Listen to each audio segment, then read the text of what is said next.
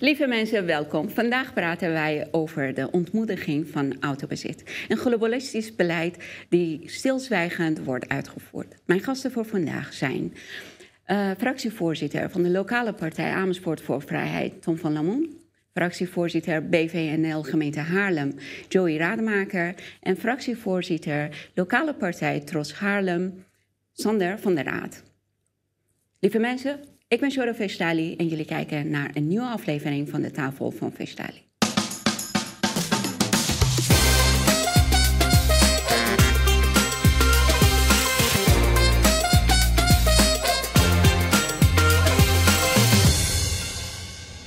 Lieve mensen thuis, welkom. En ik wil ook mijn gasten van harte welkom heten. Voor de tweede keer bij mij aan tafel, lijsttrekker van de politieke partij LP en fractievoorzitter van de lokale partij Amersfoort voor Vrijheid. We zijn ook een beetje buren van elkaar, we kennen elkaar. Nou, leuk dat je daar bent. Ik heb twee nieuwe gezichten bij mij aan tafel. Fractievoorzitter BVNL gemeente Haarlem, Joey Rademaker.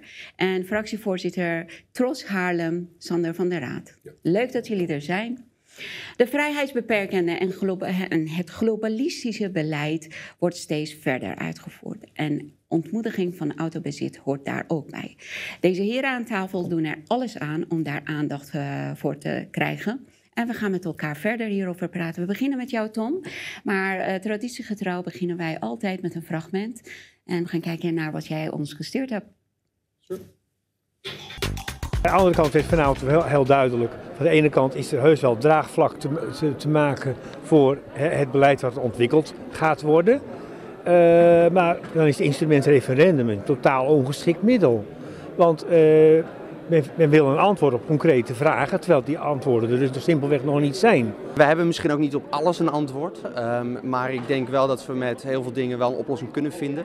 En ik zou het er ook wel willen meegeven, ook wel van, um, het gaat niet morgen allemaal helemaal uitgewerkt er ook klaar liggen. Het gaat ook niet morgen gelijk beginnen, maar het is echt een visie voor de komende tientallen jaren, uh, waar we nu een begin aan willen maken. Het is natuurlijk een raadgevend uh, referendum en dat betekent dat de uitslag niet uh, ja, of naast zich neergelegd kan worden.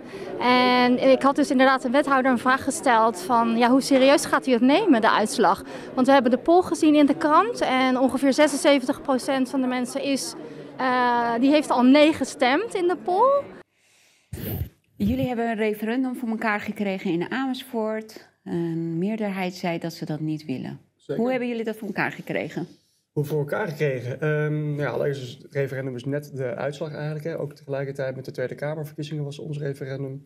En uiteindelijk heeft um, 74,3% uh, nee gestemd. Dus ja, echt drie kwart. Heel overduidelijke uitslag. Um, hoe wij het uh, voor elkaar gekregen? Ja, het, is, het, is eigenlijk al, het loopt al sinds het begin van dit jaar. Maart lag het, het eerste beleid uh, lag voor aan de Raad wat ze wilden gaan doen met de plannen. Het hoort maar wat, uiteindelijk... wat wilden ze gaan doen?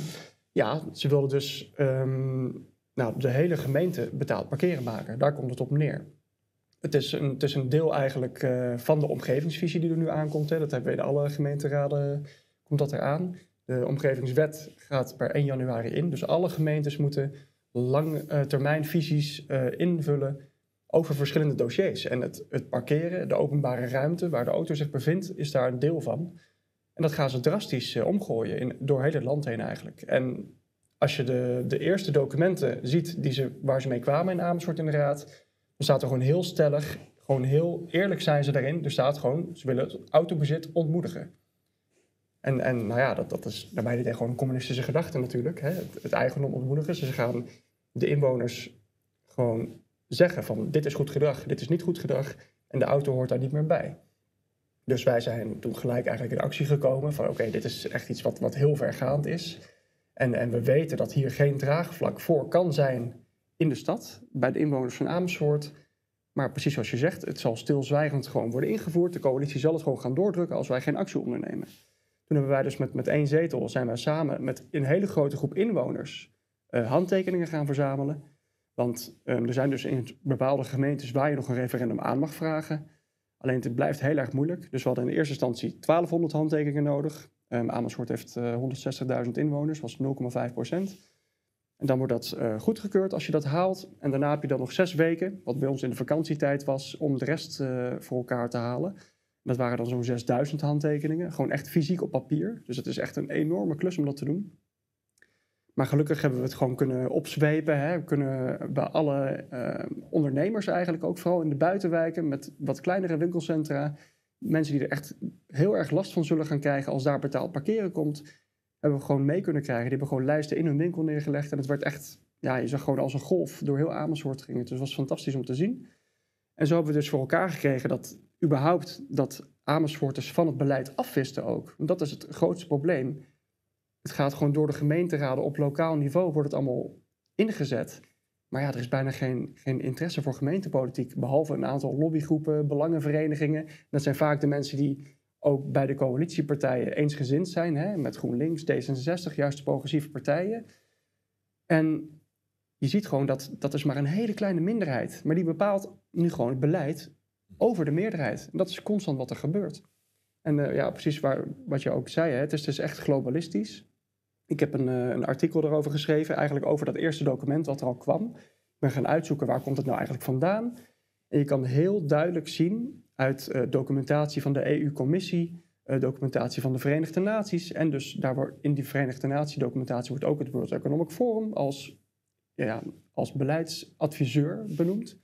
En je kan gewoon echt hetzelfde taalgebruik ook zien. Je kan gewoon zien dat ze uitgebruik moeten gaan ontmoedigen om hun plannen voor elkaar te krijgen. En die plannen zijn natuurlijk ja, naar ons idee allemaal excuses van ja, het is nodig voor uh, hittestress, voor het klimaat. En, en er komen eenmaal meer mensen wonen, er moeten ook kinderen kunnen spelen en de ruimte wordt krapper. Ze gebruiken echt die, die openbare ruimte als iets abstracts om, om maar meer controle te krijgen over hoe wij moeten gaan leven. Hoe willen ze dat doen? Is dat gewoon ja, betaald parkeren overal? Oké, is, het, uh, is het bedrag betaald? Is het ja, uh, verschillende uh, mogelijkheden. Je ziet, je ziet dat ze bijvoorbeeld bij, uh, maar dat, is, dat hoort niet bij dit beleid zelf, maar je hebt heel veel verschillende soorten beleid tegelijkertijd, waarin ze echt alles aan het inperken zijn. Ze hebben in Amersfoort ook, alle nieuwbouwwijken um, hebben ze een, een, een marge van 0,2 als het aankomt op parkeerplekken. Dat betekent, per elke nieuwbouwwoning, per elke vijf nieuwbouwwoningen, komt er maar één parkeerplek. Dus, en dan zeggen ze, ja, maar dat is, mensen maken dan de keuze om daar te gaan wonen. Dan weten ze van tevoren dat ze eigenlijk geen auto kunnen hebben. Maar het is natuurlijk ja, compleet gestoord. Want mensen die gaan in een wijk als Amersfoort, een buitenwijk, daar gaan ze wonen omdat ze die auto willen hebben. Het is, het is niet in de Randstad wonen. En je ziet gewoon dat, dat ze daarmee problemen aan het creëren zijn. Want er komt een nieuwbouwwijk naast een bestaande wijk. En je ziet nu al, dat is al in het verleden gebeurd, dat mensen gewoon ja, in de wijk daarnaast gaan parkeren als het erop aankomt. Dus ze zijn gewoon bewust problemen aan het creëren daardoor. Wie was die man, uh, van welke partij was die man die zei... ja, ik weet niet of uh, referendum daar een goede middel voor is of zo? Uh, nee, hij zit, hij zit niet bij een partij. Hij was dus van, van een van die belangenverenigingen bijvoorbeeld. Maar je ziet dat Wat die, is zijn belang? Ja, zijn belang... Hij, volgens mij zat hij bij de, de Fietsersbond Amersfoort. Ah. Dus, dus ja, die hebben, geen belang, die hebben geen belang bij auto's bijvoorbeeld. Hè. Kijk, je hebt allemaal... Het zijn echt van die, van die verenigingen... Die, die zijn opgestart die, die eigenlijk heel erg politiek zijn, maar die gewoon druk op de politiek oefenen. Maar je ziet eigenlijk dat het een beetje andersom werkt. Je ziet dat die partijen heel veel met, met die belangengroepen samenwerken. Dat zij het eigenlijk soort van gebruiken als van, ja, maar kijk, deze belangengroep die wil dit graag, dus wij gaan dat voor hun uitvoeren. Alsof zij iets doen vanuit draagvlak vanuit de maatschappij. Maar je ziet gewoon dat het eigenlijk dezelfde ons kent ons bubbel is van progressieve partijen binnen Amersfoort en hun eigen aanhang. Maar ik heb ook uh, op de website van Amersfoort, uh, gemeente Amersfoort gezien dat ze gewoon alle auto's willen weg hebben uit Amersfoort. En dat willen ze ook landelijk zo uitvoeren. Dat in de steden geen auto's geparkeerd mogen worden, allemaal buiten stad. En dan dat je met openbaar vervoer naar je eigen huis gaat. Dus ja. toch... Ja, op verschillende manieren. Maar dus bij dit beleid hoort ook inderdaad dat ze hubs gaan creëren. Gewoon parkeergarages gewoon in de industrieterreinen of op de rand van de wijken. Zodat die auto's maar niet in de straten hoeven te komen, inderdaad. En kijk, het is natuurlijk heel radicaal wat ze voorstellen. Dus ze doen het inderdaad in stapjes. Mm. Ze zeggen van ja, ja, maar de eerste auto mag je nog wel voor de deur hebben hoor, met een uh, vergunning. En dat wordt allemaal geen probleem. Maar je ziet gewoon dat het een verschuiving is naar waar ze naartoe willen. En ze hebben echt een ja, hele duidelijke eindvisie. Jullie zijn ook met dezelfde bezig in gemeente Haarlem. Maar wat heb jij een vraag aan uh, Tom? Als jij gewoon... Ze hebben het voor elkaar gekregen, dat referendum. Hè? Wat gaat met referendum gebeuren? Dat weten wij niet. Maar... Ja, wij hebben nu ook gelukkig een referendum in Haarlem. Het ging iets lastiger, als in de coalitie probeerde het met allerlei smoesjes te blokkeren. Ze hebben het VN-gehandicaptenverdrag erbij gehaald. Dat het daarom niet door kan gaan. Want Komen wij zo meteen op terug om er verder over te praten. Maar heb jij een vraag van, eh, aan, aan Tom, van hoe hij het... Nou ja, het is natuurlijk, ik ben best wel benieuwd, hoe, heeft die, die, hoe was die strijd voor jou? Want je zit daar met één zetel tegen een heel groot links blok dat daar jarenlang handjeklap heeft gespeeld. Mhm. Hoe heb je dat ervaren? Ja, ja, kijk, dat is het ding. Wij, wij zagen vanaf het begin af aan dat daar niet tegen te vechten is eigenlijk. Binnen, binnen de gemeenteraad kan je daar niet zoveel mee doen. Je, je kan daar gewoon inderdaad het debat aangaan en met hele goede argumenten komen en laten zien dat jij echt de inwoners vertegenwoordigt en dat er geen draagvlak is. Maar daar luisteren ze uiteindelijk niet naar. Dus bij elke gemeente, en vooral in de stedelijke gemeentes, hebben er inderdaad ja, toch de progressieve partijen een meerderheid. En je ziet gewoon, er is ook te weinig aandacht voor gemeentepolitiek vanuit de, de mensen zelf. Hè. Dus de mensen die, die hebben geen aandacht voor wat er gebeurt. En in de raad zelf heb je, nou dat, dat noemen ze zelf gelukkig ook wel, er is eigenlijk geen macht en tegenmacht. Je hebt een coalitie, die kan eigenlijk gewoon hun coalitieakkoord uitvoeren zoals ze willen. En als jij daar dan met, met andere partijen tegenin gaat, ja, je, hebt- je hebt gewoon eigenlijk geen kans. Dus de enige kans dat we hebben, en ik ben, natuurlijk hebben jullie het ook voor elkaar gekregen, dat is fantastisch.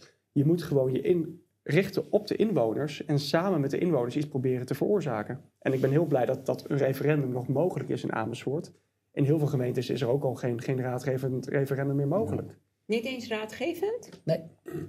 Dus je moet echt in een gemeente een verordening hebben dat je het nog mag aanvragen. En in Amersfoort, ja, En D66 is degene die het voor elkaar heeft gekregen, heb ik begrepen? Of... Ja, dat is, is landelijk dan. Landelijk hebben zij, uiteindelijk waar ze eerst mee gekomen. Hè, en daarna hebben zij het ook weer zelf afgeschaft. Maar dus in sommige gemeentes is er nog wel een wetgeving, verordening aanwezig. Dat je het mag aanvragen, maar met, met extreme drempels. Je hebt, je hebt elf punten waarover je überhaupt nog een referendum mag aanvragen. Dat moet dus gaan over een nog te nemen besluit vooral.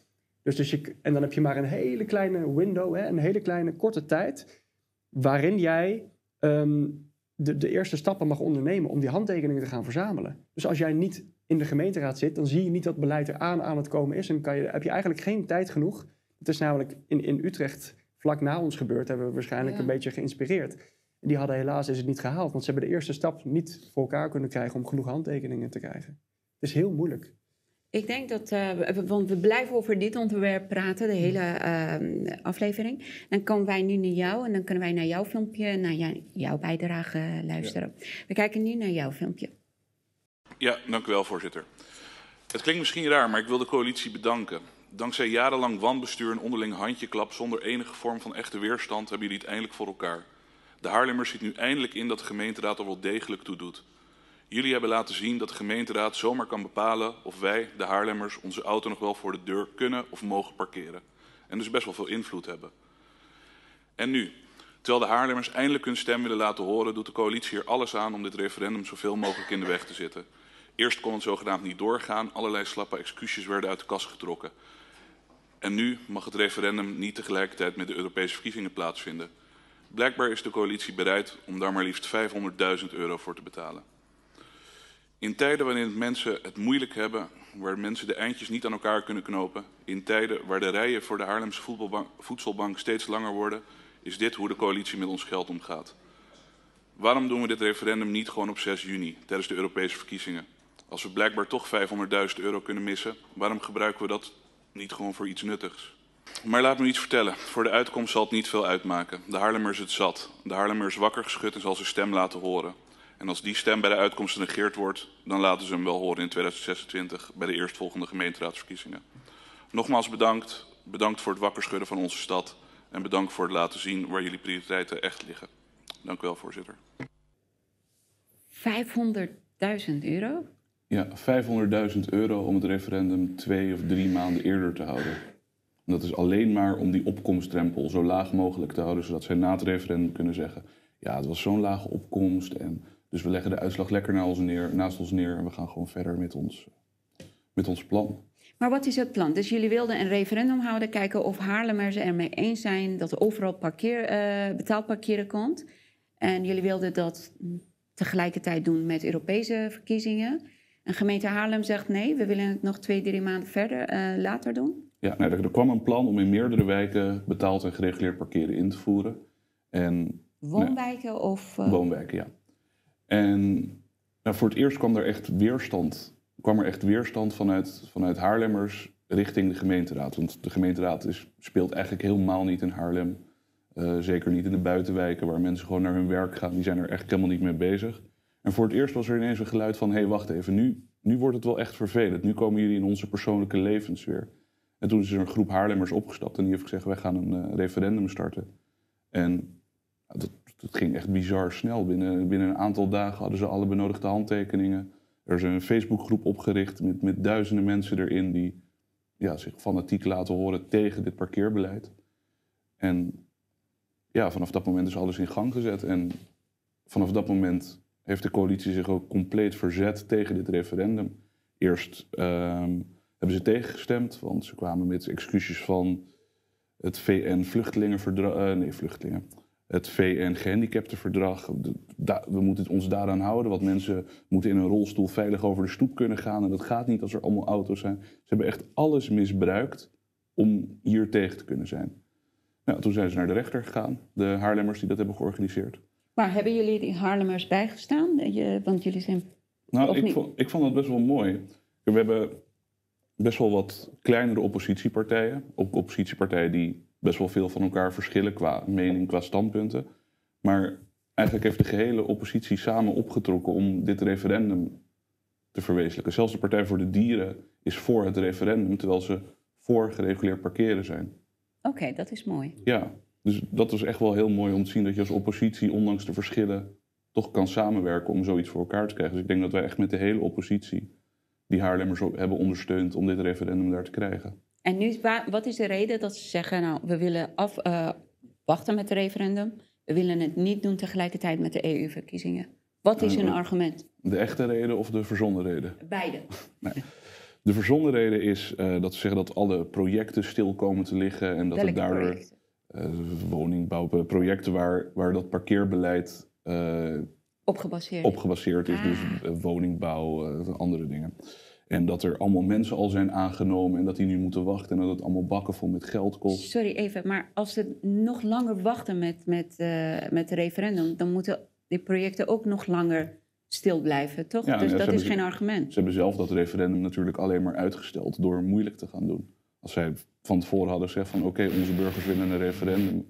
We omarmen dat, want eh, wij houden van eh, participatie en inspraak. Dan was er niks aan de hand geweest. Maar nee, ze hebben dat alleen maar uitgesteld, moeilijk gedaan. Nou, toch gelukt. En ehm, ja, nu was het plan om het te houden, tenminste vanuit de referendumcommissie en vanuit de Haarlemmers, om het tegelijkertijd te houden met de Europese verkiezingen. Dat scheelt en kosten, omdat je die infrastructuur voor het stemmen niet hoeft op te bouwen, omdat het er toch al is. Ehm, en je verhoogt gewoon de opkomst, omdat heel veel mensen toch al naar de stembus gaan. Ja, die opkomst verhogen, dat is natuurlijk niet de bedoeling voor de coalitie. Want ja, dan wordt het echt een overtuigende nee. Dus die doen er alles aan om het op een ongunstig moment te doen, om het niet tijdens andere verkiezingen te doen. Dat kost 500.000 euro extra. Dat hebben ze er schijnbaar voor over. Dat kunnen we schijnbaar missen. Dus eh, ja, ze hebben hun zin gekregen. Wat is de coalitie in eh, gemeente Haarlem?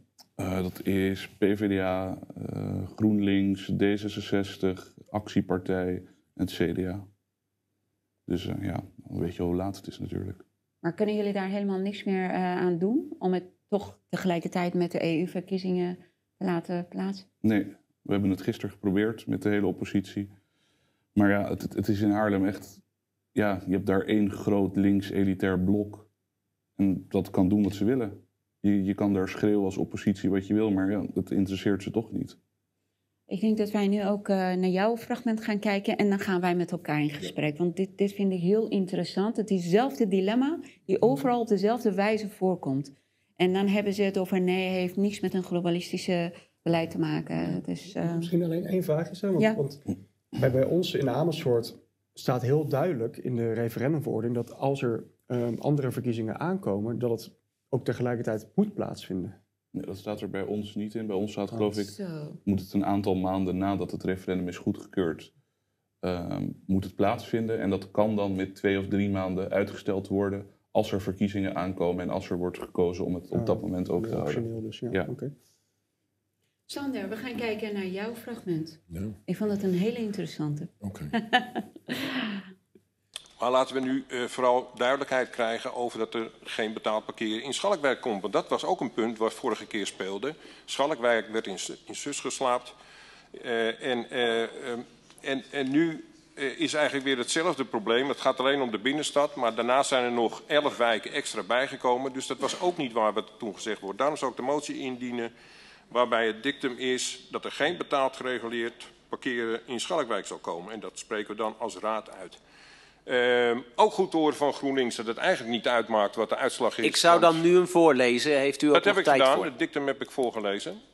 Uh, goed te horen van GroenLinks dat het eigenlijk niet uitmaakt wat er gestemd wordt, want de vergroening moet door. Er moeten minder auto's komen, dus ook als je net 60 tot 80.000 euro voor een elektrische auto betaald hebt, die moet ook verdwijnen. Dus het is gewoon goed te horen. En misschien is het eigenlijk ook wel goed dat we gewoon eerder dat referendum houden. Want nu zijn de mensen pissed off. Straks gaat dat rechtse kabinet niet door. Die mensen zijn nog pissed off. En dan, dan komen er zo'n menigte opkomst dat we gewoon in één keer dat referendum met 80% tegen gaan wegstemmen. Alleen is het resultaat dat het toch doorgaat. Jammer. Dank u wel. Ja. Een hele interessante bijdrage, maar uh, ik, ik vind een, dat je een hele coole pet hebt. Ja, het was de, het is de werkmaker van Sinterklaas. En je had hem Wij, op om. Ik had hem op om uh, ook een statement te maken. Er is uh, natuurlijk een landelijke verkiezing geweest. met een mooi resultaat, vind ik. Uh, mooi midden-rechts kabinet is mogelijk. Nou, dan is er iemand bij ons in de gemeenteraad van GroenLinks. En die vindt het dan nodig om dan een hoofddoek op te doen. Een Nederlandse dame. Een Nederlandse dame die, wil dan een, die doet een hoofddoek op om, om een signaal af te geven van wat verschrikkelijk die uitslag. Hè, democratische uitslag. En dat is dan verschrikkelijk. Nou, toen dacht ik, laat ik dan ook een signaal geven. Het signaal van dat het heerlijk avondje eraan zit te komen. En dat het uh, allemaal goed gaat met Nederland. En dat het alleen maar mooier kan worden. Dus toen heb ik uh, de werkmeid van Sinterklaas. Die ga ik nu voortaan uh, net zo lang ophouden. Zolang zij die, die hoofddoek ophoudt. Oh, zij wil permanent die hoofddoek dragen? Zij, zij, ja, ik weet niet tot hoe lang. Misschien totdat er dan een GroenLinks kabinet zit. Maar ik, ik ga gewoon als, als tegengas ga ik... En dat zit ook lekker hoor, dus okay. prima. Ja. No worries. Ja. Okay. En je bijdrage? Nou, kijk, wat ik, het heel interessant wat er hier gezegd wordt. Wat, wat bij ons altijd het geval is. Wij hebben vroeger een keer een referendum gehad. Uh, dat is toen door VVD en door mij op de achtergrond ook meebetaald en gesponsord. En toen werd er eigenlijk altijd gezegd van ja, het, het, komt alleen in de binnenstad en die buitenwijken, er is niks aan de hand, daar komt het niet. En dat wordt nu de hele tijd ook door PvdA gezegd. Die zegt van ja, maar wij willen allemaal niet dat er betaald parkeren komt in, in, in, in Schalkwijk. Dat is dus een beetje het buitengebied waar ik zelf ook woon. Maar wat zie je daar gebeuren? Dat wordt met 10.000 huizen wordt dat helemaal volgebouwd. Daar krijg je ook van die, van die uh, parkeernormen dat je dan drie huizen, één auto. Dus het, het, het, komt vanzelf wel. En iedereen die dus ergens anders woont en denkt ik wil gratis parkeren, die komt ook naar die wijken toe, want die denken hier kan ik nog gratis parkeren.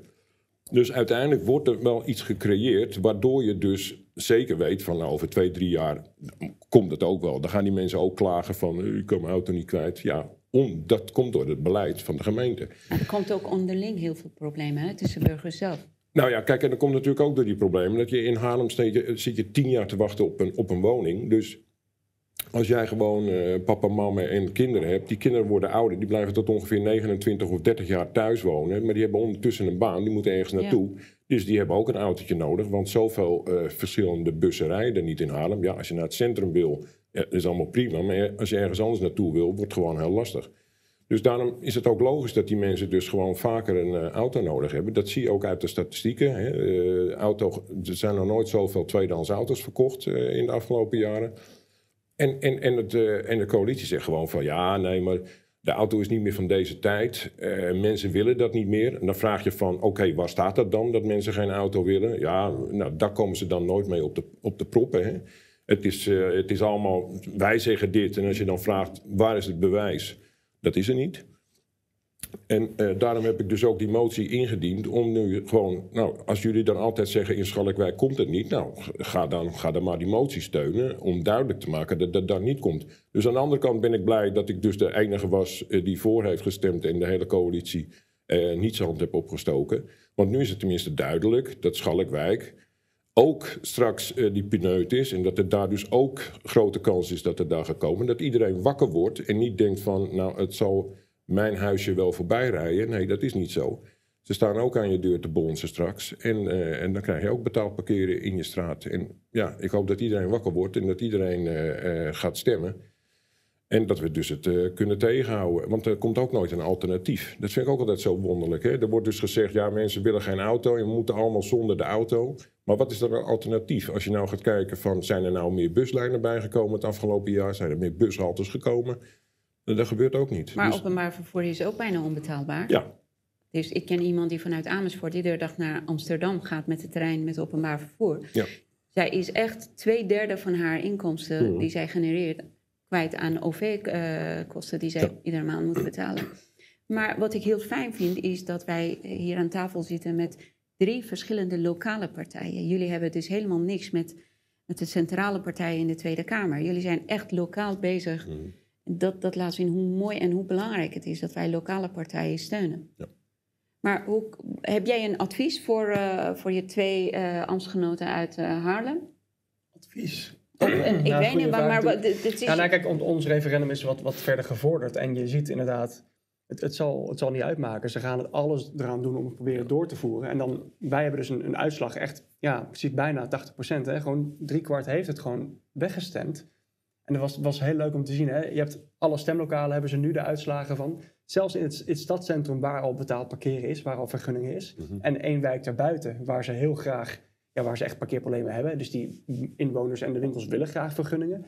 Zelfs daar is er geen meerderheid voor de plannen. Daar hebben ze ook de meerderheid nee gestemd. Er is geen enkel stemlokaal waar een meerderheid ja heeft gestemd. Ja. Dus het is, het is zo, zo duidelijk dat, dat er gewoon geen draagvlak voor is.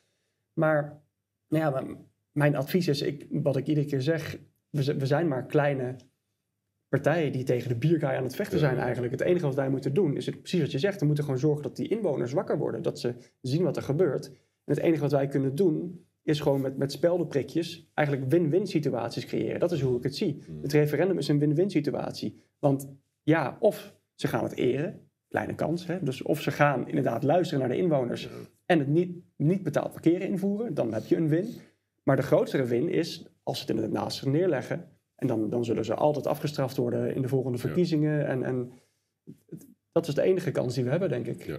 Maar dan hebben ze natuurlijk wel dat ze vaak zo'n referendum in het midden van zo'n periode doen. Ze zijn altijd zo Ja. slim om dat niet vlak voor de verkiezingen te doen. Zeker. Ze, ze worden gekozen en eh, iedereen is blij.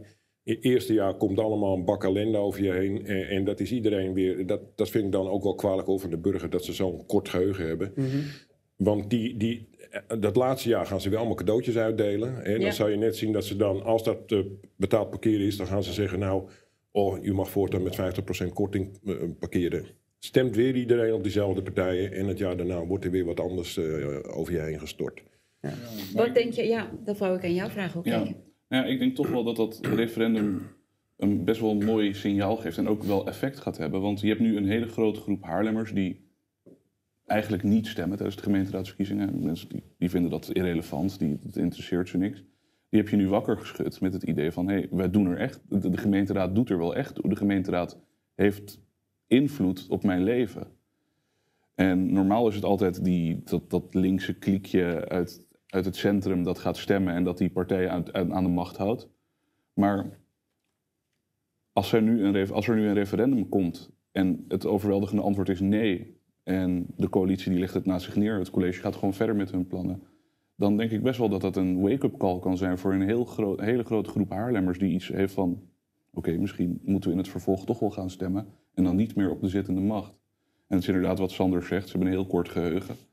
Dus waarschijnlijk zijn ze dat alweer vergeten. Alleen dan staan de oppositie de taak om vlak voor de verkiezingen weer Ja. even te herinneren van luister Klopt. jongens, Ja. dit zijn de partijen die jullie altijd hebben gesteund. Dit zijn de partijen die, die scheid hebben aan jullie.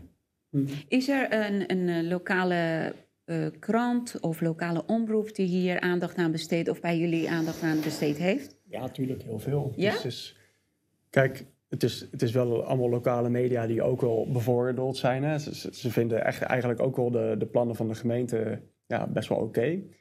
Maar er is wel heel veel aandacht voor. En, en het mooie is dat die kranten ook doorhebben van... ja, ja ehm, de inwoners willen het allemaal niet. En wij moeten toch wel, als onze krant eh, aandacht wil behouden... ze staan zelf ook onder druk, weet je. Dat is het mooie. Dus ze moeten proberen toch een beetje zo objectief mogelijk iedereen aan het woord te laten. Dus ze hebben ons ook gelukkig gewoon heel veel aan het woord gelaten. En zelf, ik heb, ik heb gewoon ook hun druk gezet. Hè, van ja, Ehm, organiseer dan een debat tussen mij en de wethouder. Laat maar zien, weet je. Het is nu campagnetijd. Laat maar zien wat hun argumenten zijn. Want we hebben nu de taak om de inwoners in te lichten voor de voor en tegen. Ze moeten wel. Dus dat is het mooie. En bij in Haarlem, hebben jullie daar, kunnen jullie daar aandacht krijgen? Dat komt nog, maar dan, dan vind ik het wel interessant om van jou te horen. Wat, zijn nou, wat vond jij nou dat de, de winnende argumenten waren eigenlijk, of wa- waarvan je denkt dat dat de winnende argumenten waren waarvan mensen hebben gezegd, oké, ik ga tegen dat eh, referendum stem- stemmen. Ja, het ligt een beetje aan, aan hoe het plan er bij jullie uitziet natuurlijk. Kijk, kijk, ons plan was eigenlijk, hadden ze expres ook vlak van tevoren in twee delen opgedeeld. Want het ding was dus, het was gewoon een compleet autoritair plan, dit gaan we uitvoeren. Ja. En toen hebben ze daarna, omdat er veel weerstand kwam, hebben ze gezegd, oké, we gaan het in twee delen opstellen. We gaan eerst, het eerste plan zetten we de kaders vast, maar dus wel vastzetten dat het betaald parkeren wordt over de hele gemeente. Dat staat dan vast. Maar ze zeggen, ja, maar in, in deel 2 gaan we echt alle wijken in, gaan we de informatie ophalen bij de inwoners, echt met participatie, met de mensen samen inrichten. Dat hebben ze toen onder druk, hebben ze het zo veranderd. Maar dat is juist het mooiste. Dan konden wij be- benoemen van, oké, maar dan doe je dus een verkeerde om, eh, Ja. verkeerd om in de volgorde. Ja, ja. Want je zet eerst vast, oké, het wordt sowieso betaald parkeren. En nu is het nog vager geworden voor de inwoners, want daarna weten ze niet eens wat ze ervoor terugkrijgen. Nee. Dat is eigenlijk hoe de, de politiek altijd werkt. Hè? Eerst betalen en daarna ja, afwachten. Hoe gaan jullie het nu oppakken om die referendum op tijd eh voor elkaar te kunnen krijgen? Of mensen informeren dat gemeente dat tegenhoudt omdat ze lagere opkomst willen, ondanks dat het zoveel meer kost? Ja, het, het, het, referendum staat vast nu. Het referendum komt eraan. Wanneer? Is dat een datum bekend? Eh, dat is in ja, 6 maart. Oh, gelukkig dat het niet midden in de zomervakantie Ja, is of dus zo. het is inderdaad wel 6 maart. Niet tegelijkertijd met de Europese verkiezingen. Dus het kost 500.000 euro extra. Maar goed, het, het, Zo, is, hé. het is er in ieder geval. Ik denk En, dat eh, jullie daarop heel erg moeten hameren in, in eh, Haarlem, Ja, bij, bij, de 100%. bewoners. Ja. En ja, wat wij kunnen gaan doen, ja, het, het moet sowieso onder de aandacht worden gebracht. Ja, wij krijgen in de lokale media ook, tenminste, het referendum krijgt in de lokale media ook veel aandacht. Want het speelt wel echt om de Haarlemmers. En inderdaad, er zit natuurlijk altijd wel, hè, die krant heeft zelf ook wel een mening. Die gaat vaak mee met mainstream, met grote partijen. Maar die zien ook wel in van, dit is zo'n groot onderwerp, dit moeten we wel belichten. En ik denk, ja, wat, wat, wat wij verder nog kunnen doen om het onder de aandacht te brengen. Ik denk gewoon heel nederig aanmelden als vrijwilliger bij dat team dat eh, dat referendum heeft georganiseerd. En gewoon lekker door weer en wind gaan flyeren met de mensen in gesprek. En zeggen van luister jongens, we moeten nu echt op gaan staan, want straks is het te laat. En dan is het afgelopen. Wat ik ook niet snap is het dat bij ziekenhuizen is ook betaald parkeren. Je, je, weet je, je bent al ziek, je bent al financieel niet heel erg happy, want je, je hebt extra kosten, je kan minder werken. En alsnog voor je behandelingen moet je ook betalen. En bijvoorbeeld in Amersfoort, het is ook niet goedkoop. Het is niet dat jij bijvoorbeeld eh, een uur kan daar staan voor 50 cent of zo. Nee, het is gewoon echt volle pond. Ja, ja, nou ja, dat is... eh, en inderdaad, in Amersfoort, die ziekenhuizen zitten meestal om de buitenwijken. Hè, dus je hebt daar omheen is helemaal geen betaalparkeren. Het is, het is sowieso heel raar. Ja, dan moeten we denk ik een ander eh, onderdeel gaan behandelen. Of, of überhaupt de zorg in Nederland, of dat een verdienmodel moet zijn. Want de hele zorg is een verdienmodel naar mijn idee. Dus het parkeren zal er dan ook gewoon aan verdiend moeten worden natuurlijk. Maar ja, dat is waarschijnlijk een ander onderwerp. Maar wat, wat is de bedoeling hier eh, van? Wa- waarom willen ze Nou ja, dat, auto ontmoedigen? Waarom? Waar willen ze naartoe? nou ja, natuurlijk naar een, een, een samenleving waar jij compleet afhankelijk bent van de staat. De staat die verzorgt alles voor jou. De staat verzorgt hoe jij je verplaatst, waar je je naartoe verplaatst, waar je, hoe je naar je werk gaat. En wanneer? Eh, wanneer, inderdaad. Dus, dus dat, voor, voor een overheid die graag controle wil, is het natuurlijk verschrikkelijk als mensen zelf een auto hebben en dat ze 24 uur per dag kunnen bepalen waar ze heen gaan, hoe ze erheen gaan en hoe snel ze er komen. Dus het, het is onderdeel van een grotere agenda. Ze hebben het eerst geprobeerd met eh, nou ja, continu mensen bang maken. Auto's zijn slecht voor het klimaat. Als we allemaal auto gaan rijden, dan gaan we allemaal dood. Dus daarom moeten we hem wegdoen. Nou ja, dat heeft niet gewerkt. Dus dan is het volgende idee gewoon zorgen dat het onmogelijk wordt. Dat, in Haarlem zie je het ook. ehm, wegen, tweebaanswegen, 50 km per uur. Zodra er iets moet gebeuren aan die wegen, wordt het een eenbaansweg met 30 km per uur. Terwijl Haarlem filehoofdstad nummer 1 is. Dus als, als je mensen niet bang kan maken om hun auto weg te doen, dan maak je het maar onmogelijk en dan moeten ze hem vanzelf wegdoen. Ja, dat klopt. Vind jij ook hetzelfde? Ja, ik, ik verbaas me daar ook altijd over hoor. Dan hebben ze heel veel straten afgewaardeerd. En dan zeg ik nou, en dan gaan ze ondertussen nog bouwen. Dan zeg ik, zorg nou eerst dat alles gebouwd is en ga dan kijken of je kan afwaarderen. Nee, ze beginnen eerst met afwaarderen. En dan gaan ze ondertussen alles volbouwen. En dan zijn ze verbaasd dat niemand meer eh, erin of eruit kan. Dan denk ik, ja, waar, waar is die logica? Maar die logica is er dat mensen gewoon zo gefrustreerd worden dat ze denken, nou, eh, ik, als ik 25 minuten ga fietsen, ben ik misschien nog sneller als de auto. Ja, maar dat was niet zo, maar dat wordt gecreëerd. En dan na een tijdje ga je denken, ja, dan moet ik misschien maar die auto wegdoen. Ja, en dan hebben ze precies eh, wa- waar ze je hebben willen. Dus, eh, Ja, zeker. Nou, dat is heel duidelijk die lijn te zien inderdaad. Hè. Maar dat, dat staat ook zo letterlijk in die plannen. Als, als, als mensen gewoon, de inwoners, een keertje die plannen gaan lezen, ook in de gemeente, gewoon dat, dat eerste plan wat er dus al uitkwam, die tekst, de taalgebruik wat ze daar gebruiken, is al zo betuttelend. En alsof het je ouders zijn die zeggen van ja, nee, jullie gedrag is gewoon niet goed en we moeten jullie gedrag gaan aanpassen. Het, is, het is zo. En, en alles ook via dwang inderdaad. Hè? Want als je zou zeggen van oké, we gaan inderdaad eerst de alternatieven goed op onderbrengen, zodat we mensen kunnen verleiden tot, tot ander gebruik. Waar ik ook tegen ben natuurlijk. Hè? Want aan de ene kant, of je het nou stimuleert met ons belastinggeld, komt op hetzelfde neer. Dat is ook dwang. Maar in ieder geval, dat, dat gebruiken ze ook niet eens. Want ze zeggen ook letterlijk van ja, je kan mensen niet alleen verleiden. Je zal ze ook toch, ehm, niet alleen met de wortel, maar ook met de stok de goede kant op moeten krijgen. Dus dat is ook letterlijk wat ze doen. Hè? Dat zie je met, met, in de hele samenleving. Hè? Met accijnzen op, op dingen die zij niet goed vinden. Hè? Maakt niet uit wat, of het alcohol is of eh, roken of wat dan ook. Maakt niet uit hoe ze erin staan. Maar dat zie je. Nou, parkeren, het is gewoon een belasting. Het is officieel ook parkeerbelasting, vergunning of betaald parkeren. Dus het is gewoon een financiële straf op de auto. Dat is wat je letterlijk ziet. En dat is wat ik al zei, als je die, die EU-documentatie eh, gaat lezen. Ik heb, ik heb een heel mooi artikel geschreven, dat ik zorg dat die onder eh, het linkje hangt. Ja, we gaan ook al die fragmenten, het linkje onderaan deze video Ja, zetten. maar, maar er staan echt kijken. gewoon tien, tien documenten in waarin je gewoon precies kan terugleiden van oké, dit is het beleid in Amersfoort. Als je het eigenlijk vertaalt in het Engels, dan staat het op de EU-commissie-website precies zo. Gewoon, gewoon urban city planning, weet je. Van ja, het, is, het hoort allemaal bij. De steden willen ze expres volbouwen. Want, want ze willen alle mensen van het platteland weg hebben naar de steden. Ja. Je hebt letterlijk gewoon heel veel subsidies die gewoon gaat voor city marketing. Ze moeten alle bedrijven naar de steden eh, krijgen. Dan krijgen die eh, mooie kortingen om daar te, te vestigen. Ja, als die bedrijven daar komen, heb je meer werkers nodig. Er komen meer mensen daar wonen. Alles wordt in de steden zo aantrekkelijk mogelijk gemaakt.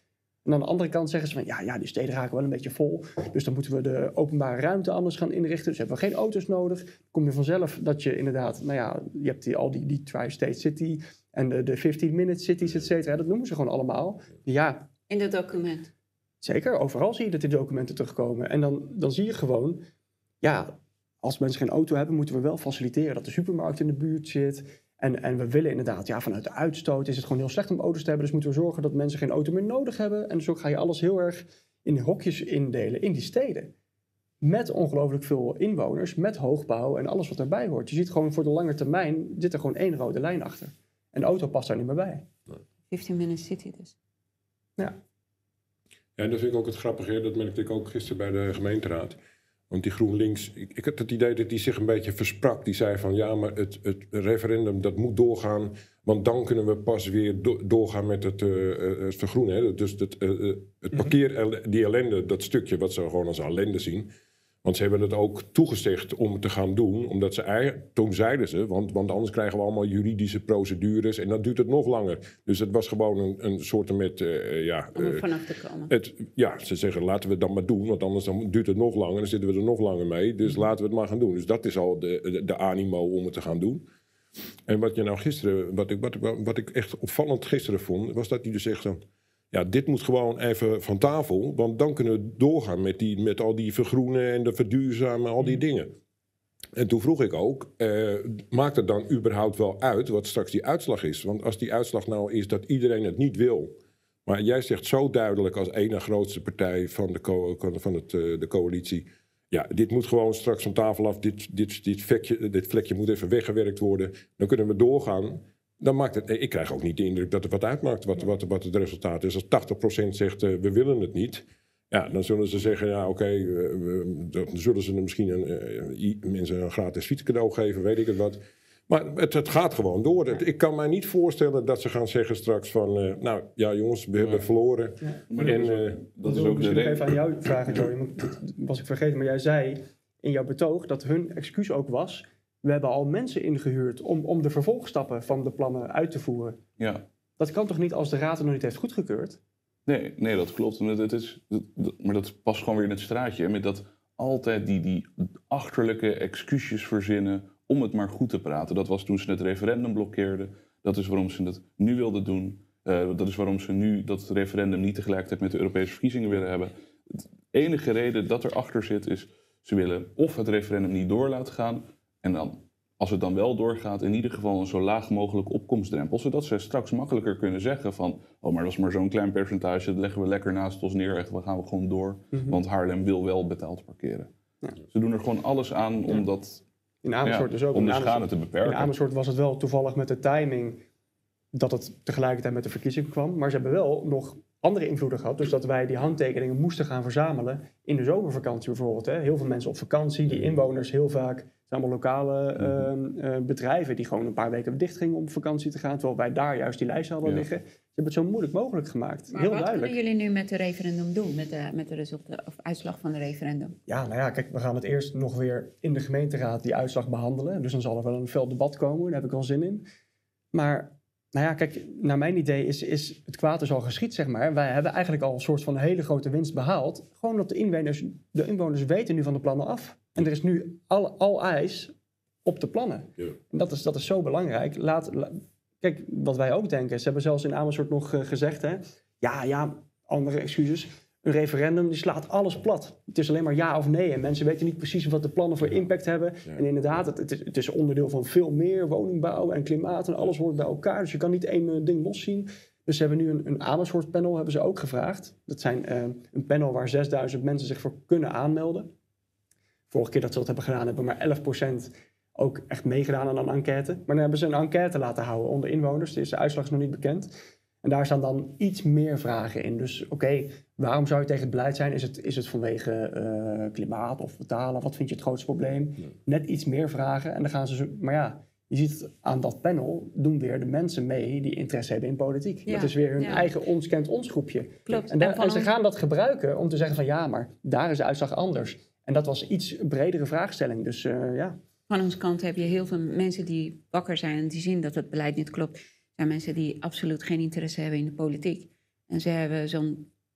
Ik vind dat dat niet correct is, maar ze zeggen ja, als ik meedoe met de politiek, dan hou ik het systeem in stand. Dus dan in- in zulke situaties verlies je van degene die wel meedoet met het systeem en die houden het systeem De mensen die, echt letterlijk in. mensen die niet meer gaan stemmen, bedoel je Ja, eh, ook? Ja, die zich gewoon niet bemoeien met de politiek. Want dit Ja. is een soort tegengeluid laten zien en te- tegengas geven. Mhm. Trots op Haarlem is eh, eh, een partij die lang bezig is in Haarlem. Hè? Hadden wij een Sinds korte- 2010, ja. Wat hebben jullie voor elkaar gekregen tot nu toe? Nou, eh, nou, eigenlijk best eh, redelijk veel vind ik altijd. Eh, bijvoorbeeld, eh, je had er toen die discussie met die eh, rubberkorreltjes in dat kunstgras, weet je dat nog? Rubbergranulaat in de kunstgrasvelden. Daar was ik de eerste mee die zei van jongens, dit, dit, dit is niet goed. Nou, dan werd je voor malle Pietje uitgescholden van... eh, ja, voor van- gezondheidsredenen? ja, gezondheidsredenen. Ik heb toen heel goed contact gehad met die mensen van eh, Kom van dat Gras. Dat was die, die, die club van bezorgde ouders. Die, eh, die echt de deskundige, als je nou een deskundige wil weten, dan moet je gewoon naar die club. Die weten echt alles ervan. Hoe heet die club? Eh, kom van het gras. En dat zijn dus ouders die zichzelf ondertussen zo eh, eh, ge- geschoold hebben dat ze er alles vanaf weten. En nu is dat ook inderdaad. en dan zie je het grappige dat je een kleine partij kan wel invloed hebben. Je moet gewoon alleen heel lang ermee beginnen en heel lang doorgaan. Ik ben er gewoon vier, vijf jaar mee bezig geweest. In het begin sta je op een debatavond en dan zegt iemand: Ja, wat maak je nou druk als een auto door de straat rijdt? Valt er ook rubber, rubber van de band af? Dus wat, wat ben je nou moeilijk aan het doen? maar uiteindelijk komt er steeds meer onderzoek en resultaat. Je, had ook dat dat spul de bodem inzakte en dat dat slecht was voor het milieu. Nou, dan krijg je plotseling. Dan krijg je plotseling aandacht van eh, GroenLinks. Hè? Want dan denken ze, oh, het milieu, nou laten we ons er ook eens mee gaan bemoeien. Nou, en dan zie je dat er dan uiteindelijk die omslag komt. Dus dan krijg je dat voor elkaar. En ik heb ook voor elkaar gekregen betaald parkeren per minuut. In Haarlem had je vroeger altijd... Je gaat ergens parkeren en je moet 30 minuten betalen. Maar als je na twee minuten of drie minuten wegging, betaalde je ook nog steeds 30 minuten. Toen zeg ik, dat is toch niet eerlijk? Want als ik gewoon bel, dan, dan be- betaal ik ook gewoon eh, voor twee minuten. In Amersfoort is het nog steeds zo, hè? Betalen per half uur. Ja, zeker. Ja. Ja, oké. Ja, dus dan eh, is dat je, je volgende doel. Maar, maar wat je daar dus aan ziet, en dat is wat ik altijd merk, het gaat altijd om geld. Eh, hè, dus jij zegt van het is niet eerlijk dat mensen eh, lang moeten betalen terwijl ze er niet staan. En die volgende staat ook op die plek en die betaalt ook weer voor diezelfde plek. En dan, dan hoorde, had ik met die wethouder een gesprek van GroenLinks. En die zegt, ja, snap je je punt? En we vinden het eigenlijk ook wel niet eerlijk. Klopt wel. Maar ja, gaan we dat nu veranderen? Ja, dat gaat dan zo een paar ton, eh, ton kosten. Dat gaat geld kosten. Hoe gaan we dat nou doen, weet je wel? Toen hebben ze stiekem al die tarieven een beetje opgehoogd. Ja, weet je, dan denk ik, ja, dat moet dan maar om dan uiteindelijk het eh, principe wel voor elkaar te krijgen. En, en dat is denk ik ook wat nu speelt. Hè? Want ik heb zelf nu ook een plan voor ehm, dat, dat betaald parkeren. Want ze zeggen betaald parkeren, dat is dan de oplossing. Maar waarom zou je niet een plan indienen waarbij de burger gratis staat in zijn eigen wijk. Hè? Dus dat je niet altijd maar, want je hebt die auto nodig, dus, en die staat vaak in je eigen wijk. Waarom zou je niet die uh, gratis hebben? En als je dan in een andere wijk staat, dat je een heel klein beetje betaalt, misschien 1 euro per uur of zo. En dat iedereen van buitenaf komt, of toeristen, dat die dan hogere bedragen uh, uh, betalen. Want dat is het enige, heb ik gemerkt in mijn lange, lange tijd dat ik meedoe. Dat, dat alleen de gemeente uh, en de wethouders die zijn alleen geïnteresseerd als je een alternatief plan doet, wat in ieder geval zorgt voor dezelfde inkomsten. Als je dan de ver, verhouding voor de bewoners beter zou kunnen maken, dan is dat nog een, een, manier waarop je een winstpunt zou kunnen scoren. Ik vind dit, sorry dat ik het zo zeg, maar dit vind ik een niet goed plan. Nee. Want je, je, je, je laat gewoon de deur open en dan gaan ze daarin pushen en pushen en pushen. Het is gewoon nee is nee. Mensen betalen meer dan genoeg. Mensen worden ja. meer dan uitgemolken. Nee. Ja. En hier, hier is de grens. We gaan geen millimeter naar achter. Weet je, dit, dit, dit maakt mij ook heel erg emotioneel. Want ik zie dat wij steeds aan... Oké, okay, oké, okay, weet je, dan willen wij... We zijn constant aan het tegemoetkomen naar, naar een partij... die alleen maar kwaad bedoelt... en ten nadele van de burger bezig is. Ja. En ik denk dat wij veel steviger in onze schoenen moeten staan. En gewoon nee is nee. Wat, wat, wat snappen ze niet van, van, van het woord nee? Nou ja, dat is dus uiteindelijk, dat, heb ik ook wel eens uh, ludiek, ludiek, geroepen in, in de gemeenteraad. Uh, kijk, straks, stel nou dat iedereen zegt, nou oké, u heeft helemaal gelijk overheid. Ik moet geen auto meer nemen. Ik doe mijn auto weg en, en, en dan doet iedereen zijn auto weg. Als je dus weet dat ze bij dat betaald parkeren per minuut al zo moeilijk deden over van, ja, dat gaat ons een paar ton per jaar kosten. Als nu iedereen zijn auto wegdoet, hoeveel geld gaat dat wel niet schelen voor de gemeente? Want het is gewoon een dikke melkkoe. Dus stel nou dat iedereen zegt, nou u heeft helemaal gelijk van bovenaf. Hè, wij gaan allemaal die plannen van de EU gaan we uit. Wij verkopen allemaal onze auto. We gaan alleen nog maar fietsen. Dan zeg ik, nou dan gaat u vast fietsbelasting invoeren. Want er moet ergens geld binnenkomen. Dus het maakt ook niet uit wat je doet. Want je, de, je krijgt altijd die rekening op je hoofd. Je kan, je, kan, je kan denken, ik ontsnap even dit paadje in. Maar dan komen ze wel weer achter je aan en dan zeggen ze... oh, nou, eh, dan gaan we maar fietsbelasting invoeren. Je zag het met al die, die lage rentetarieven. Je krijgt niks meer op je spaarrekening. Mensen die nog wat hadden, die dachten, koop een tweede huisje. Nou, wat is nu het plan? Ja, heb je een tweede huisje? hey, je gaat plotseling heel veel meer belasting betalen. Je, er is gewoon geen ontsnappen aan. En dat vind ik wel een beetje het trieste van het hele verhaal. Je kan denken dat je een oplossing kan bedenken, maar... We moeten ik, gewoon nee, duidelijk maken dat de overheid mag niet bepalen wat, wat jij mag hebben of niet hebben. Je werkt ervoor, je betaalt ervoor, daar heb je recht uh, ja. op. Dus... Maar de overheid zou ook eens een keertje moeten kijken... wat zijn nou hun kern, kerntaken? Want ze doen een heleboel dingen bij ons in Haarlem ook. Die, die, die museums die worden met tonnen gesponsord. Ik denk, ik ben er nog nooit geweest in die musea. Weet je wel, is dat nou nodig? Kijk nou eens, wat zijn je kerntaken? Hoeveel kost dat? En dat je daar dan voor moet betalen, dat vind ik dan re reëel. Maar omdat ze allemaal van die leuke hobby's erbij hebben gedaan... gaan ze ook zeggen, ja, hondenbelasting, parkeerbelasting... Want ze hebben al geld nodig. Maar misschien moeten we eens die discussie terugvoeren. Wat is nou echt de taak van de gemeente? Wat moet een overheid doen? Veiligheid, school, dat soort dingen. D dat wil ik dat ze gaan doen. Maar niet allemaal dingen sponsoren waarvan ze dan zeggen... ja, oké, okay, dan moet je ook maar meer gaan betalen voor je auto. Als ze geld nodig hebben, waarom gooien ze 500.000 euro weg? Om, weet je, dus dat, dat klopt niet. Ja. Ik denk niet dat ze geld nodig hebben. Wat ze nodig hebben is gewoon jouw mobiliteit en jouw vrijheid. Dat ja, is wat ja, ze nodig hebben. Vrijheid is ik ben, ben het er wel mee eens dat eigenlijk alles om het geld draait. Het geld is de vrijheid. Hè? Want zij nemen ons geld af en dan gaan zij ermee bepalen wat ze doen. Ik vind, vind het heel leuk dat je hondenbelasting noemt. Want dat hebben wij in Amersfoort dus uh, ja, nu een half jaar geleden of zo... hebben wij een motie ingediend om de hondenbelasting af te schaffen. Dat stond in ons verkiezingsprogramma, dus dat gaan we indienen. En uh, CDA had het ook in hun verkiezingsprogramma staan. Ze hebben heel duidelijk daar campagne opgevoerd... dat zij de hondenbelasting wilden afschaffen. En zij hebben tegengestemd. Ze hebben in de raad hebben zij tegengestemd tegen die motie. Omdat zij zeggen van, ja, ehm, ja, er zit wel een economische crisis aan te komen. En als we het nu gaan afschaffen, dan, eh, dan kan het in de begroting niet meer rondkomen. Dus het, het draait wel altijd om geld. Ja, en mijn, mijn, vaste, mijn vaste argument is ook altijd de woningen inderdaad. Elke gemeente zit erop te hameren dat ze moeten bouwen en ze moeten de woningcrisis oplossen. Maar de grootste inkomsten van elke gemeente zijn die OZB-belasting en die WOZ-waardes. Als ze het woningprobleem oplossen, dan komt de begroting niet meer rond. Joey? Ja, dat is het probleem. Wij dienen ook bij iedere begroting weer zo'n motie. Hè, hondenbelasting afschaffen. Maar ja, zelfs als je dat lukt, dan ontstaat er inderdaad een gat in hun begroting. Waardoor ze minder van die linkse hobbyclubjes kunnen supporten. Dus dan gaat het ergens anders wel weer omhoog.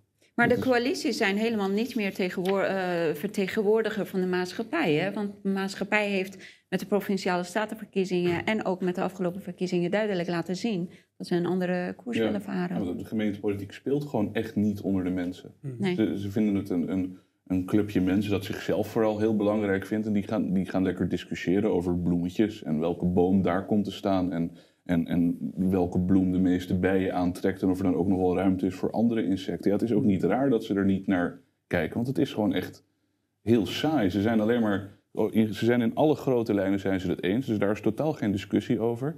En dan gaan ze het hebben over hele kleine dingen. En dan gaan ze lekker allemaal micromanagen. En aan het eind van de avond geven ze elkaar een high five. En dan gaan ze weer naar bed. Ik denk dat wij dit eh, kunnen langzaam afronden. We gaan nu naar kijkersvragen. En eh, als we daarmee klaar zijn, dan komen wij weer even terug bij elkaar. En ik heb een vraag aan Tom. Ik denk dat we dit indirect hebben beantwoord. Eh, maar Sanne vraagt, hoe gaan jullie dit nu verder oppakken? Kunnen jullie iets doen met de uitslag? Nou ja, kijk, tuurlijk gaan we dat doen. Kijk, het mooiste is, er is nu zoveel aandacht voor. En het enige wat wij hoeven te doen, is alleen maar die druk te blijven uitoefenen op de, de coalitie en op de, de, de wethouder. Want ja, ze, hebben, ze kunnen eigenlijk geen kant op. De uitslag is er, ze moeten er iets mee doen. En of ze leggen hem naast zich neer en dan gaan ze ongelooflijk veel verliezen. Of ze gaan het... Wat gaan ze verliezen? Ja, nou met de volgende verkiezingen. Die, die partijen, het zijn eh, D66 is dan de wethouder. Die partij blijft nu landelijk al niks van over. Dus een derde kwijtgeraakt. Met de provinciale verkiezingen waren ze al heel veel kwijt. En, en in de gemeenteraad zit ook eh, CDA en ChristenUnie zitten dan eh, erbij. CDA is ook niks meer van over. Hoeveel zetels hebben die? Drie, vier zetels? Ik weet het niet eens meer. Er blijft niks van over. Dus die, die partijen die in de coalitie zitten, die staan al met de rug tegen de muur. Ze weten dat ze de inwoners niet meer vertegenwoordigen.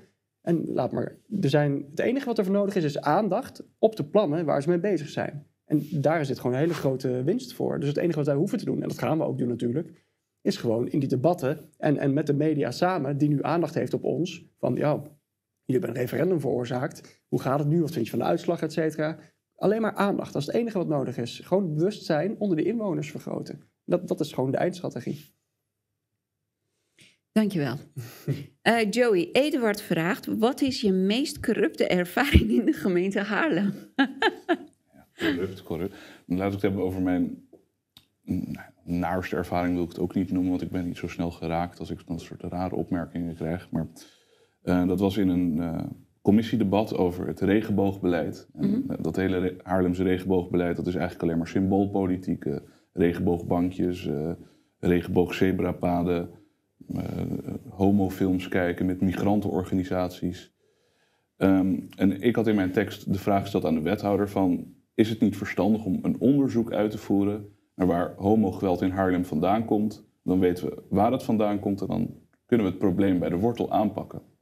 Nou, nou, de wethouder beantwoordde aan nou, in hun eerste termijn alle vragen. En ik kreeg geen reactie, maar mijn spreektijd was op. Dus ik moest door de zaal gaan schreeuwen van... hé, hey, ik krijg nog steeds... ik heb geen antwoord gekregen op mijn vraag. Wanneer komt dat? Nou, na drie keer schreeuwen kreeg ik antwoord. En dat antwoord was... Nou, ik vind het niet nodig om een onderzoek in te voeren... maar als u wilt weten waar homogeweld vandaan komt... ik heb hier een onderzoek gelezen... en dat komt uit de extreemrechtse complothoek. dat was haar antwoord. Dat onderzoek, dat klopt überhaupt niet. Dat was gewoon een artikel in de Groene Amsterdammer. En ja, gewoon de, de arrogantie hoe zij daar dan zit... en dan een best wel groot probleem wegwijft van, oh ja, maar dat is, dat is een extreemrechtse complothoek en dat komt allemaal daar vandaan. Dus eh, ja, toch wel een sneer. Brutaliteit blijft me verbazen, echt. Eh, Sander, Ellie vraagt... eh, volgens mij dit hebben wij ook indirect een stuk van beantwoord. Trots Haarlem is lang bezig. Wat zijn jullie vervolgplannen? En Werken jullie vaak samen met BVNL? Zijn er nog meer partijen waarmee jullie kunnen samenwerken? Nou ja, ik zit naast uh, Joey, dus uh, dat zit wel goed. Uh, maar we werken best, best samen met die kleine lokale partijen. Kijk, wat, mijn tactiek is altijd koplopers zijn. Dus begin als eerste over het onderwerp. en dan steek je heel vaak, kom je met moties waarbij je dan misschien als enige of, of met een paar mensen je hand opsteekt. Maar blijf er consequent over. Sinds 2010 heb ik het alleen maar over... we moeten meer openbare toiletten hebben. Want we hebben er in Haarlem acht. Dat zijn allemaal van die piskrullen. En er zijn geloof ik twee toiletten voor dames. Elke, elke begroting, elke kadernota... Elk, elk onderwerp kom ik met de vraag... Hè, want dan zeggen we, we moeten diversiteit hebben... we moeten iets voor de ouderen doen... iedereen moet uh, mee kunnen doen... En dan zeg ik, oké, maar we willen dat iedereen langer thuis blijft wonen. En als die ouderen dan in zijn eigen wijk uh, een rondje wil lopen of wil ergens naartoe, nergens een openbaar toilet. En het werd helemaal pijnlijk bij die uh, coronacrisis natuurlijk, want toen was alles dicht. Maar mensen zitten gewoon thuis, die kunnen niet weg. Dus bij de uh, Maag-Darm-Leverstichting kan je gewoon teruglezen dat er twee, meer dan 2 miljoen mensen hebben dus maag, darm en blaasproblemen. En dan zeg ik in Haarlem van jongens, wat gaan we eraan doen? Ja, dan, dan meneer Van der Raad weer met zijn openbare toiletten. Heb ik van het CDA een leuk uh, aandenken gehad dat ik het altijd zo erover heb. Maar dan denk ik, ja, ik heb liever dat je dat gaat, gaat steunen. Kijk, het is niet voor mij persoonlijk. Maar je moet gewoon consequent ermee bezig blijven, blijven, blijven gaan. En dan na een tijdje, dan gaan mensen ook denken, ja, of ze komen zelf iets tegen. Hè, dat sommige waren, uh, kamer, uh, raadsleden waren zwanger. Nou, die merken dan ook dat ze wat vaker naar het toilet moeten. En waar kan je eigenlijk naar het toilet? Dat het gewoon heel slecht geregeld is. Dus je moet. Wat, wat mijn plan altijd is, en ik, ik doe ook elk jaar de hondenafschafmotie, uh, dat doe ik ook. Ik blijf gewoon consequent. Nou, dat is maar dat zie je wel, dat in het begin zit je daar in je eentje. En nu is het al een derde van de, van de partijen die met die hondenbelasting zegt: ja, dat is ook eigenlijk raar. Waarom is dat nog steeds? Dus als je maar lang genoeg door blijft gaan, en af en toe vragen mensen wel eens van, vind je het nog wel leuk in die, in die politiek? Want elke keer dan, eh, dan jij, jij, zegt wat, maar dat, dat, dat, komt er toch niet door. Maar dan zeg ik, ja, het komt er wel door. Het gaat heel lang duren. En als dan na een tijdje iemand anders jouw onderwerp, zeg maar, overneemt... dat vind ik eigenlijk ook wel mooi. Want plotseling, eh, ik heb eh, in 2020 en 2021 heb ik ook gezegd... laten we een referendum doen, ook over betaald parkeren. Nou, ik werd gewoon weggelachen. En wat werd meneer Van der Raad weer met zijn referendum? Ze hebben zelfs daarna nog de referendumverordening eh, aangepast... dat een raadslid het niet meer kan aanvragen... omdat ik daar redelijk vaak gebruik van maakte. Dus dat hebben ze gewoon eruit gegooid, want ik was vervelend. Maar je ziet gewoon, als je maar consequent door blijft gaan, uiteindelijk gaat het wel lukken. Maar je moet wel, dan moet je wel mensen hebben in je gemeenteraad. Die gewoon echt als een gekke Gerrit uh, uh, maar door blijven gaan. En dat ze denken, ik vraag me ook wel eens af. Ik had beter misschien iets van mijn carrière kunnen maken. En had ik gewoon nu geld verdiend. Uh, maar nu, ik blijf, maar, ik blijf het proberen. En uiteindelijk bereik je ook dingen. Dat rubbergranulaat, betaald parkeren per minuut. Je bereikt wel dingen. Het duurt alleen eindeloos lang. Maar ja, goed ik vind het ook wel leuk. Dus uh, ik, blijf gewoon doorgaan en dat gaat lukken. Zijn er andere partijen dat je samen met ze kan werken? nou ja, dat zie, dat zie je dus. Dat er dus steeds meer andere partijen ook die, die onderwerpen gaan doen. Andere partijen hadden vroeger niet uh, uh, hondenbelasting in hun, in verkiezingsprogramma. Die gaan het er nu wel inzetten. Want die gaan ook denken, ja, waarom is waarom, bij een kat of een paard heb je dat allemaal niet, maar bij een hond heb je dat wel. In die coronatijd het was juist een redding voor heel mensen dat ze nog met een huisdier zaten en niet helemaal vereenzaamden. En dan moet je daar ook van gaan betalen. Terwijl al, je moet al een boete doen als je, dat, als je die drol laat liggen, maar dan moet je ook nog weer die belasting betalen, weet je wel. En, en, en waarom? Het enige, argument is van, ja, maar als we het afschaffen, dan hebben we een gat van vijf ton. En uh, wat, hoe moeten we dat dan oplossen? Ja. Ik heb wel een voorstel. Die referendum tegelijkertijd met de EU. Nou, dat, zei, ja, dat zeiden we ook. Eh, dat zeiden we gisteren ook. Want toen werd er gevraagd aan uh, Joey van, uh, ja, maar wat, uh, wat, wat, die vijf ton, wat wil je dan voor gebruiken? Nou, we hadden toen het samen ingediend de laatste keer. Nou, dan hadden we mooi hondenbelasting kunnen afschaffen. Ja.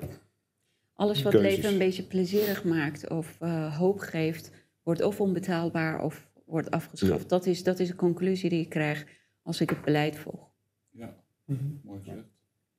Heb jij iets toe te voegen aan ons gesprek? Ja, nou, ik vind het heel mooi wat je zegt, daar ben ik het compleet mee eens. Hè. Kijk, hoe ik het zie, het is, gewoon echt, echt een langetermijnstrategie die we moeten gaan volgen, denk ik. Zo zie je het ook ja, van de andere kant. Hè. Er laatst uh, steeds meer over gesproken. We moeten gewoon, als je kijkt naar, naar het socialisme of andere kanten, dan heb je daar letterlijk bepaalde personen. In Amerika is dat bijvoorbeeld een, een Saul Alinsky, die heeft gewoon boeken erover geschreven. Die zegt van ja, we gaan gewoon een strategie beginnen. 50 jaar lang gaat het duren. We gaan door de scholen heen en zo. Je moet gewoon grassroots met de mensen samen de verandering gaan opbrengen. Dus en, en inderdaad maar gewoon dingen op de agenda blijven zetten. Ik vind het ook heel mooi dat wij met Libertaire Partij, dat is dan het monetaire systeem is ons speerpunt. En we merken dat we ook andere partijen daarmee beïnvloeden. Die zien ook gewoon van, oh ja, eigenlijk is dat wel een goed idee. En dat krijgen zij dan ook op de agenda. Dat is zo belangrijk. Dankjewel. Joey, heb jij nog iets toe te voegen?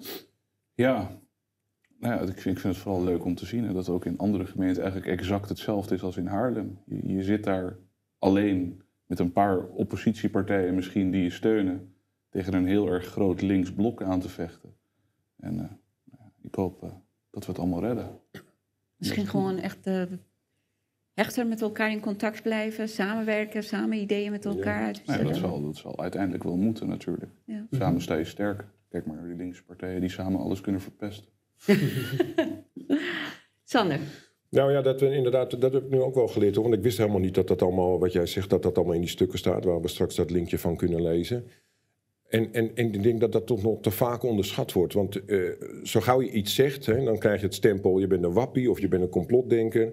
Maar het, zo, zo werkt dat eigenlijk niet. Die politici die hebben ook, die krijgen ook eh, van andere mensen hun ideeën ingevlogen. En, en die, die bedenken dat ook niet allemaal zelf. Die, die gaan ook een keer naar zo'n cursusavond en er wordt er gezegd... nou, ga jij dan maar dat betaald eh, parkeren invoeren... en dan gaan we naar de volgende stap en gaan we volgende stap en wordt allemaal mooi. Die bedenken dat ook niet zelf. Dus het is niet de complottheorie of dat je een wappie bent. Het is gewoon dat die mensen, die politici... die zijn ook allemaal niet zo slim als dat ze eruit zien. Die, die krijgen ook dingen ingefluisterd wat ze, wat ze kunnen gaan doen of, of moeten gaan doen... En daar moeten we gewoon alert op zijn. En dat je dus altijd uh, uh, zegt van jongens, let op, het zou zo kunnen zijn dat het die kant op gaat. Laten we hopen dat het niet die kant op gaat. Maar dat je altijd alert blijft en dat je niet elke keer te passen. Want dat vond ik bij de corona zo erg. Dat te pas en te onpas, als je iets zei, werd er gewoon, ja, je bent een wappie, je bent een complotdenker, je bent een nep nieuwsverspreider. Maar als je nu terug gaat kijken, het komt toch steeds meer dat het wel, die mensen die dingen toen zeiden, dat ze toch wel gelijk hadden nu. En dan denk ik, wanneer komen nou die journalisten met die bossen bloemen van excuses? We hebben jou in de krant gezet als een complotdenker en je had eigenlijk wel gelijk. dan denk ik, wees dan ook sportief. En ga niet de hele tijd iedereen maar stempels geven, weet je wel. Wij moeten ook opletten dat we niet iedereen als de linkse kliek... Uh, want die mensen bedoelen het ook goed, maar die snappen het misschien ook niet dus laten we iedereen proberen gelijk te behandelen en op te letten dat we eh, vooral doen wat de bevolking wil. laten we die de, de baas geven en niet een paar grote corporates van boven. Mensen die in de politiek zitten en ze hebben helemaal geen idee waar ze mee bezig zijn. En ze, doen, ze bedoelen het goed, maar ze doen het fout. Dan moeten ze een passende functie gaan zoeken. Ja. Ja. Dus uh, nou, ik wil jullie heel erg bedanken voor jullie inbreng en wat jullie allemaal aan het doen zijn. Uh, hou mij alsjeblieft op de hoogte. Ik vind het heel interessant om nog een keer met dezelfde club bij elkaar te komen. Als er referendum gebeurd is in Haarlem, dan gaan we dit uh, nou, verder oppakken. Bedankt. Lieve mensen thuis, jullie ook bedankt voor het kijken. Uh, hebben jullie feedback, suggesties of iets anders? Laat mij weten via vestali.welsmers.nl. En uh, ik wil jullie bedanken voor jullie betrokkenheid, voor jullie donaties. Die hebben wij heel erg hard nodig. Vergeet niet onze, om onze aflevering te liken en te delen. En vergeet ook niet om te genieten van jullie weekend. Graag tot de volgende.